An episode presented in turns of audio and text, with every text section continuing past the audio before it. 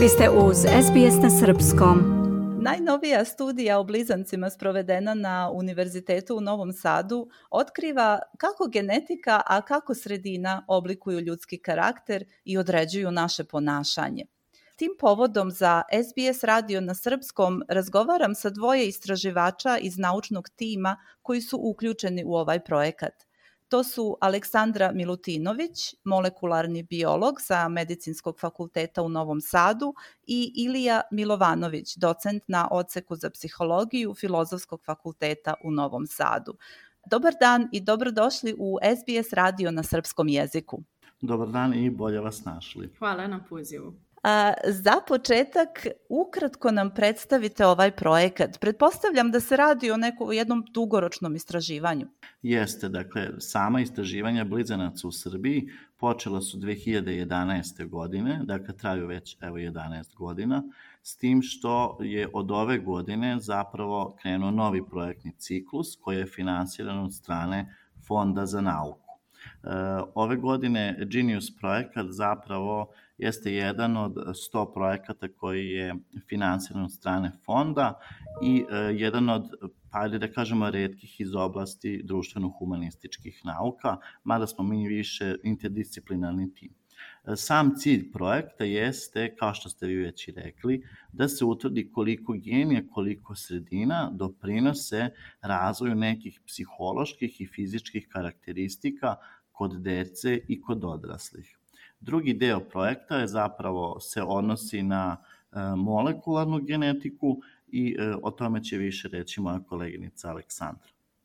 Tako je, dakle, mi pored određenih psiholoških mera i nekih njihovih e, karakteristika želimo da vidimo šta se dešava i na nivou gena, tako da koristimo vrlo jednostavnu metodu uzimanja bukalnog brisa. Bukalni bris je bris unutrašnje strane obraza na osnovu kog određujemo profil za određene gene i te podatke kombinujemo sa podacima do kojih smo došli psihološkim ispitivanjima.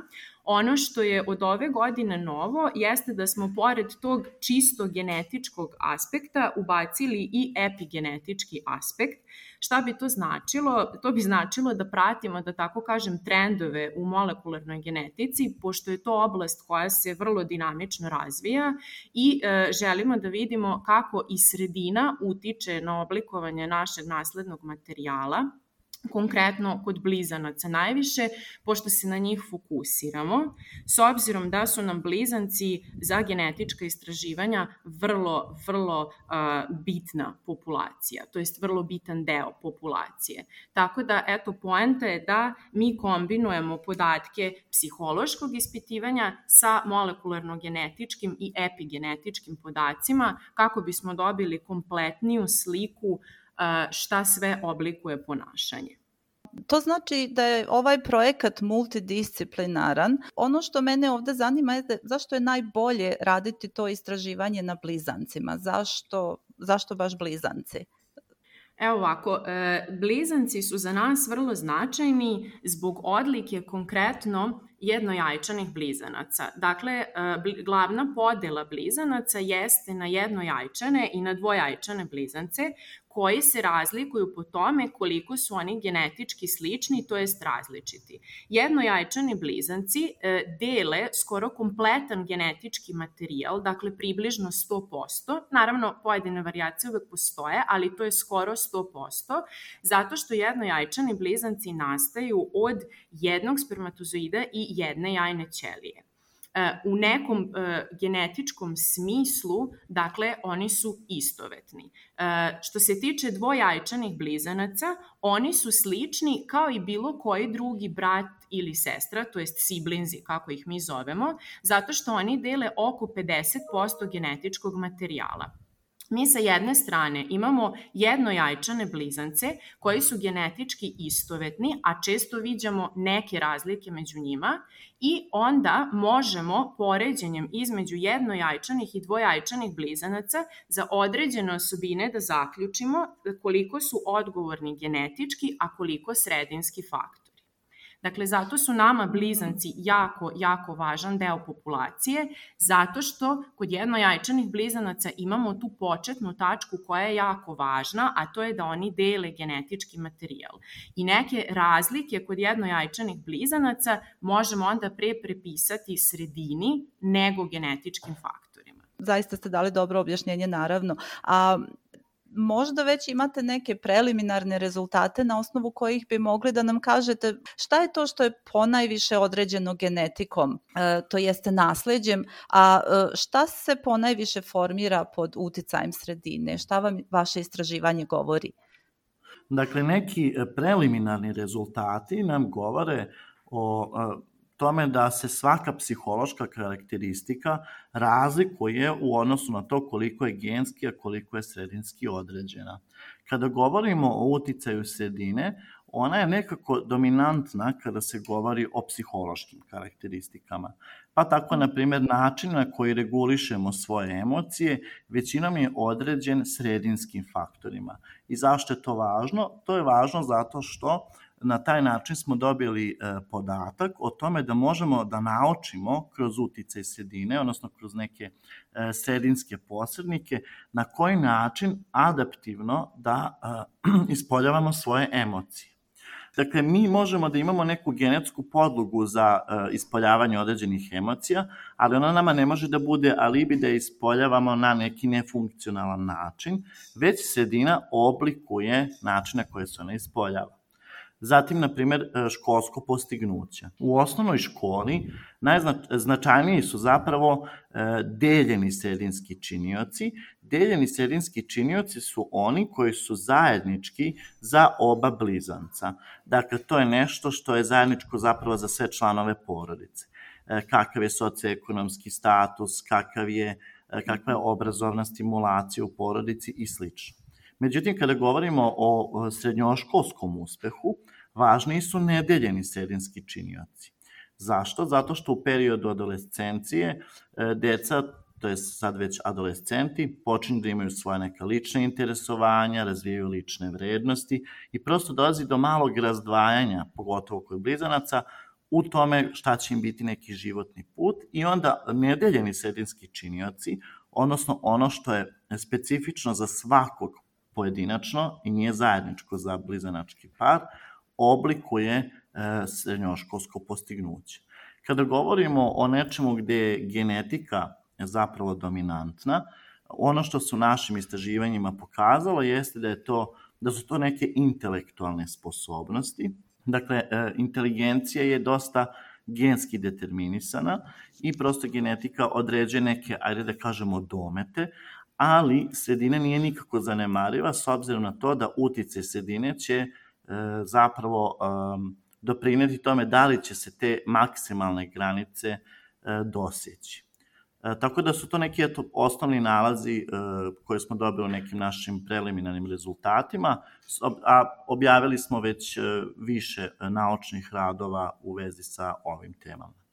Ja bih mhm. samo dodala, ako mogu, čisto Naravno. da ovaj, razjasnimo situaciju, da kada pričamo o ponašanju, ponašanje spada sa genetičkog aspekta u osobine koje zovemo multifaktorske, što znači da ponašanje ne može biti određeno samo genima ili samo sredinom, već je to veliki broj gena koji su u međusobnoj interakciji, a svi ti geni takođe interaguju i sa sredinom. Dakle, situacija ne može biti crno-bela i mi često dobijamo pitanja da nekako vrlo jednostavno odgovorimo na, na recimo da li se ovo nasleđuje ili je za ovo odgovorna sredina. Onaj odgovor koji je uvek tačan u slučaju ponašanja jeste da je to kombinacija faktora i zato je naš uh, trenutni projekat toliko toliko važan zato što pokušava da odgonetne u kojoj meri je odgovorna jedna, a u kojoj meri druga komponenta i šta mi možemo da uradimo da recimo određene oblike ponašanja preveniramo ili da nekako, da tako kažemo, lakše izađemo na kraj, predvidimo ili slično. Dakle, uvek kada pričamo o ponašanju, e, treba imati u vidu da je to veliki splet faktora koji dovodi do određenog oblika ponašanja. Da li postoji mogućnost da se ono što smo nasledili promeni pod uticajem sredine? Da li se možda i time bavite u vašem istraživanju? Da, dakle, definitivno postoji. U pitanju je samo razlika u stepenu do koje mere možemo da utičemo. Dakle, genska osnova je nešto što pruža određeni potencijal. Sredina je ta koja će uslovno rečeno da okine ne, neko ponašanje. Dakle, može da se desi da osoba ima predispoziciju na osnovu gena za određenu vrstu ponašanja, ali da se to ponašanje nikada ne ispolji, prosto zato što sredinski faktori nisu bili takvi da bi doveli u toj kombinaciji sa genskom osnovom da do ponašanja dođe. Dakle, može da se desi da postoje dve osobe koje imaju potpuno identičnu gensku osnovu, to je tu genetičku komponentu, ali da imaju jako različite uslove sredine i da njihovi životi, odnosno njihovo ponašanje budu potpuno različiti. Time se i objašnjava mnogo životnih situacija koje verovatno i vi znate da postoje ljudi koji su prošli kroz neke iste događaje, ali su na njih odgovorili potpuno različito. Da. Dakle, uh, genetika nam daje samo potencijal, to jest mogućnost da se nešto ispolji, ali bez sredine koja je uvek, je tako, u velikom broju slučajeva dinamična i promenljiva, bez sredine ne može ništa da se desi u velikom broju slučajeva kad pričamo o ponašanju. Za neke druge osobine to nije tako, ali za ove multifaktorske koje sam pomenula, u koje spada i ponašanje, definitivno u zavisnosti od naše sredine će biti i ponašanje bez obzira na to kakva genska osnova postoji. Dakle, ona samo daje neko predodređenje, a sve ostalo zavisi od sredine. Hmm. A, recite mi kako ste došli do, do vaših do ispitanika, do, do blizanačkih parova? Um, da li, kako se oni mogu prijaviti da učestvuju u vašem projektu i da li mogu učestvovati ljudi koji nisu u Srbiji? Da, dakle, e, svi oni koji žele da učestvuju u našem projektu mogu da se prijeve na našoj internet stranici www.blizanci.rs e, i tu će naći zapravo odeljke koje se odnose na učestvovanje punoletnih blizanaca i maloletnih blizanaca.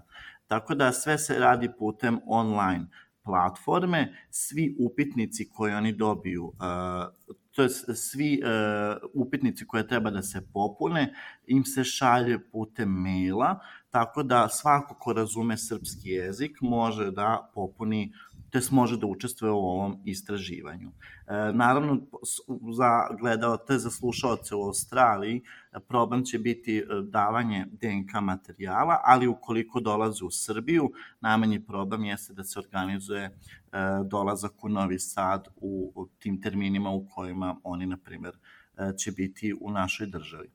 Pored blizanaca mi se bavimo i porodičnom studijom, tako da se za ovaj projekat mogu prijaviti i sve porodice koje imaju dvoje dece, između kojih razlika u uzrastu nije veća od 4 godine.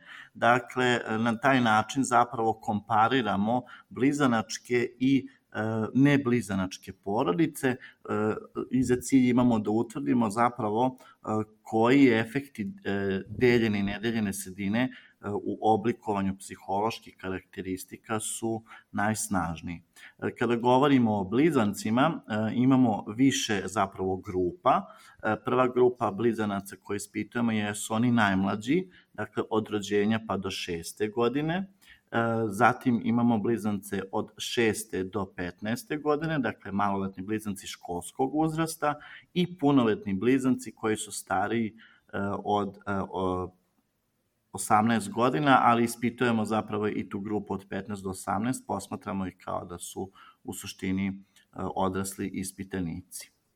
Da, što se tiče prijave, ja bih tu dodala da kako za kako za potencijalne ispitanike iz države, tako i iz inostranstva. Ukoliko postoji bilo kakva dilema ili pitanje, mogu uvek da nas dobiju na naš zvanični mail koji je takođe koja je takođe objavljen na našoj internet stranici i pored toga bih dodala da smo aktivni na društvenim mrežama, Facebook, Instagram i Twitter i da takođe tamo mogu da potraže bilo kakvu vrstu pomoći koja im je potrebna ili bilo, da razreše bilo kakvu dilemu u vezi sa prijavljivanjem. E, takođe bih skrenula pažnju na to da su svi podaci koje naši ispitanici ostavljaju potpuno anonimni i zaštićeni mi negujemo principe otvorene nauke, što znači da želimo da e, podatke do kojih dođemo otvorimo, ali to nikako ne znači da na bilo koji način ugrožavamo e, lične ili bilo koje druge podatke naših ispitanika.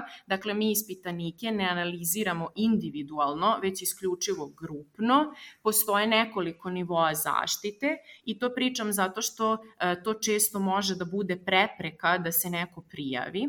Mm, takođe, dodala bih da je e, naš registar jedini registar blizanaca u Srbiji, ali i u širem regionu, a da su registri blizanaca veoma, veoma važni za naučna istraživanja, eto kako u psihologiji, tako i u genetici, i da sve podatke koje skupljamo u tom našem republičkom registru blizanaca koristimo isključivo za potrebe istraživanja našeg centra u skladu sa svim etičkim principima i zaštitama koje su neophodne. E, dakle, sve informacije postoje na našem sajtu, postoje na društvenim mrežama, mi smo dostupni za sve za sva pitanja i odgovore, tako da eto i o ovom prilikom pozivamo blizance, odrasle i decu, kao i ne blizance decu da se prijave ili ukoliko ne žele da se prijave, uvek mogu da nam pomognu tako što će proširiti vest o našem postojanju i našem radu,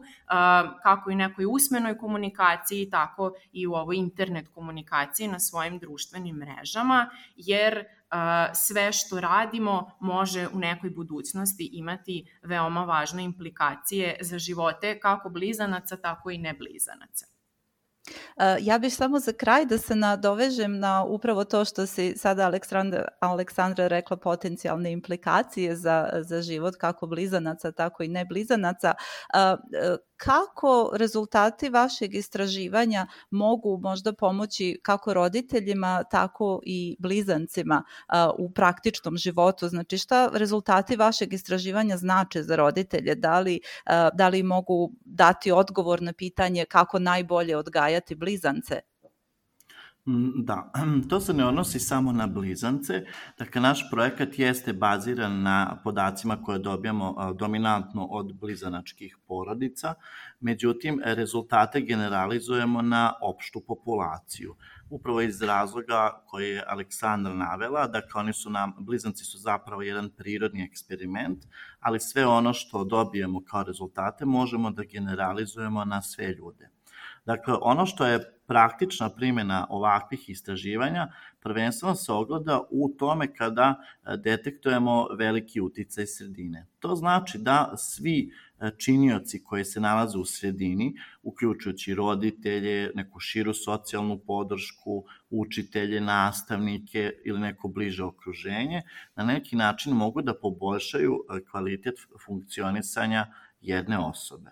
S druge strane, s obzirom na to da pratimo, to jest da ispitujemo i decu i mlade i odrasle, neki naš cilj u budućnosti jeste da se razvije neki, nešto što bismo nazvali princip personalne medicine i personalnog obrazovanja, što govori zapravo o čemu se on ogleda, kada pratimo određenu, određenog pojedinca od nekih najranijih dana i kada imamo u vidu na koji način geni i sredina oblikuju njegovo ponašanje.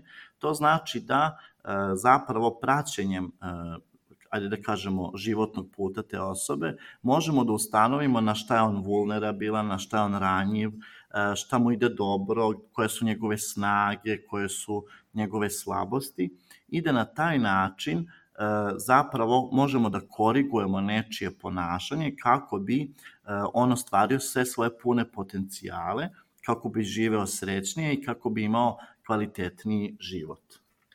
Tako je i ja bih se sada tu još e, nadovezala da kažem da to možda zvuči da je to daleko negde u budućnosti i možda ne zvuči kao toliko važan cilj, ali uh, behavioralna genetika i sve što je povezano sa njom je veoma, veoma važna grana nauke zato što može da doprinese prevenciji.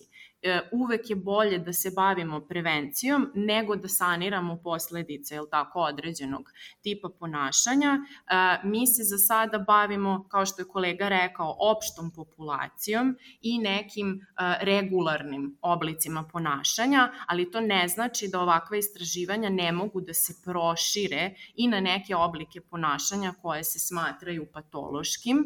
E, tako da o, mi sada smo neka vrsta pionira u ovoj oblasti kod nas u zemlji i u regionu i nadamo se da ćemo doći do još značajnijih e, nekih tih e, praktičnih implikacija, ali svakako ono na čemu trenutno radimo jeste to da omogućimo da neke naredne generacije na osnovu saznanja koje ćemo mi dobiti imaju kvalitetniji život i u punoj meri iskoriste svoje potencijale.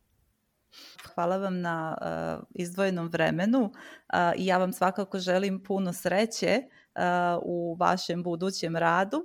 Nadam se da ćemo vas ponovo intervjuisati tim povodom. Hvala vama na pozivu još jednom. Jeste, hvala puno na pozivu. Ja bih još jednom pozvala da svi koji su zainteresovani posete našu internet stranicu i naše društvene mreže. Tamo je potanko sve objašnjeno, od toga kako se prijaviti do toga koji su neodređeni benefiti za ispitanike koji popune sve naše testove i, i daju uzorak DNK. Mi stojimo na raspolaganju svima za pitanja i e, evo, bavimo se raznim promotivnim aktivnostima ovde u Novom Sadu. Nadamo se da ćemo i taj aspekt proširiti, tako da nadam se da ćemo se ponovo družiti.